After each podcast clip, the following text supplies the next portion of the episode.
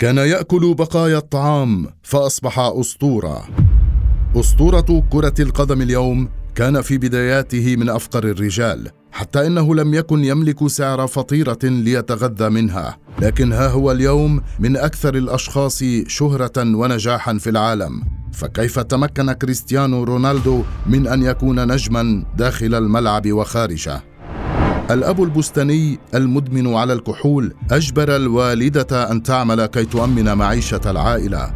كان كريستيانو هاويا لكرة القدم وكان يجد دائما وقت فراغ وهو في التاسعة لكي يتدرب وحده على لعبة الكرة. كبر في ظل محيط متوتر وفقير فكيف لطفل ينشأ وسط تلك الظروف أن يتمكن من تحقيق ذاته؟ بدأ يلعب كرة القدم في وقت مبكر من العمر فبدأ في عمر يناهز الثمانية أعوام عندما بدأ اللعب لنادي كرة قدم محلي للهواة ليوقع بعد بضعة أعوام عقدا مع سبورتينج فهل يمكن لهذه الموهبة أن تنتشل الشاب من قعر الفقر؟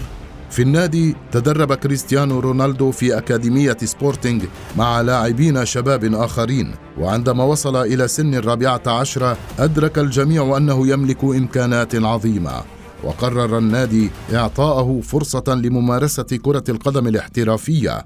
وبالفعل فقد أصبح كريستيانو رونالدو اللاعب الوحيد في النادي الذي يلعب تحت 16 عاما. فيمكن بالفعل أن تكون تلك المهارات صاحبة مفتاح الرزق لرونالدو. لم تكن ستستكمل الفرحة بالنجاح الذي كان يتوقع أن يحصل عليه إذ عندما بلغ كريستيانو 15 عاما تم تشخيصه بتسارع دقات القلب وكان بحاجة إلى الخضوع لعملية جراحية لتصحيحها. وقد توقع الجميع أن مسيرته المهنية كلاعب كرة قدم محترف سوف تنتهي حتى قبل أن تبدأ. لكن كان الحظ الحليف الأكبر للشاب. ففي نوفمبر عام 2002 زار نادي أرسنال لكرة القدم لمقابلة أرسن فينجر الذي كان مهتما بتوقيع عقد معه وأراد مناقشة الترتيبات مع ممثلي رونالدو. في عام 2003 أصبح كريستيانو رونالدو أول لاعب برتغالي يشارك في فريق مانشستر يونايتد الشهير حيث وقع عقدا بقيمة 15 مليون جنيه استرليني. وهكذا فقد ضمن لنفسه مستقبلا كنجم في عالم كرة القدم. ومن هنا قد بدأت رحلة النجاح لرونالدو الذي لن يكون لاعب كرة قدم فحسب بل أسطورة في ريادة الأعمال.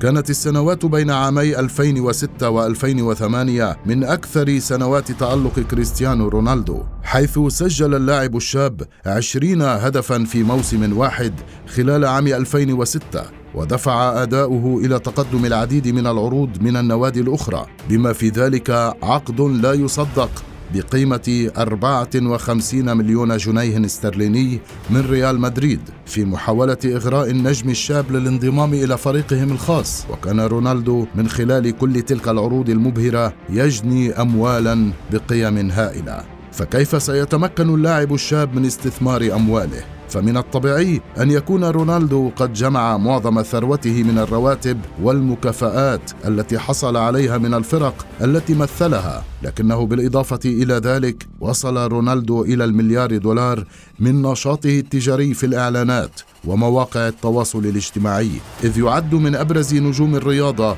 من حيث الشعبية. وقد جمع الأموال من الإعلانات بحيث كانت الشركات تتهافت لجعل رونالدو وجها اعلاميا أو وجه العلامة التجارية التابعة لها. ومن قعر الفقر إلى القمة فعلا وصل رونالدو وأصبح أسطورة.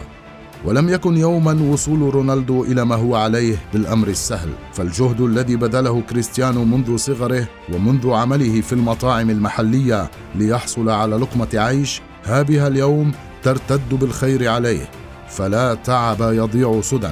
واليوم يحصل النجم البرتغالي على أكثر من 20 مليون دولار سنويا من شركة نايكي للملابس والأدوات الرياضية بعد توقيعها عقدا معه مدى الحياة في عام 2016 ليكون اللاعب الثالث الذي يحظى بهذا التعاقد الكبير بعد أسطورتي كرة السلة مايكل جوردن وليبرون جيمس. لم تكن رحلة الثراء لرونالدو رحلة مرحة، فهو عانى في طفولته كثيرا خصوصا برفقة والده المدمن، لكن لم يقبل أن يخضع للواقع وعرف كيف يستثمر موهبته كي يصبح أسطورة داخل الملعب وخارجه.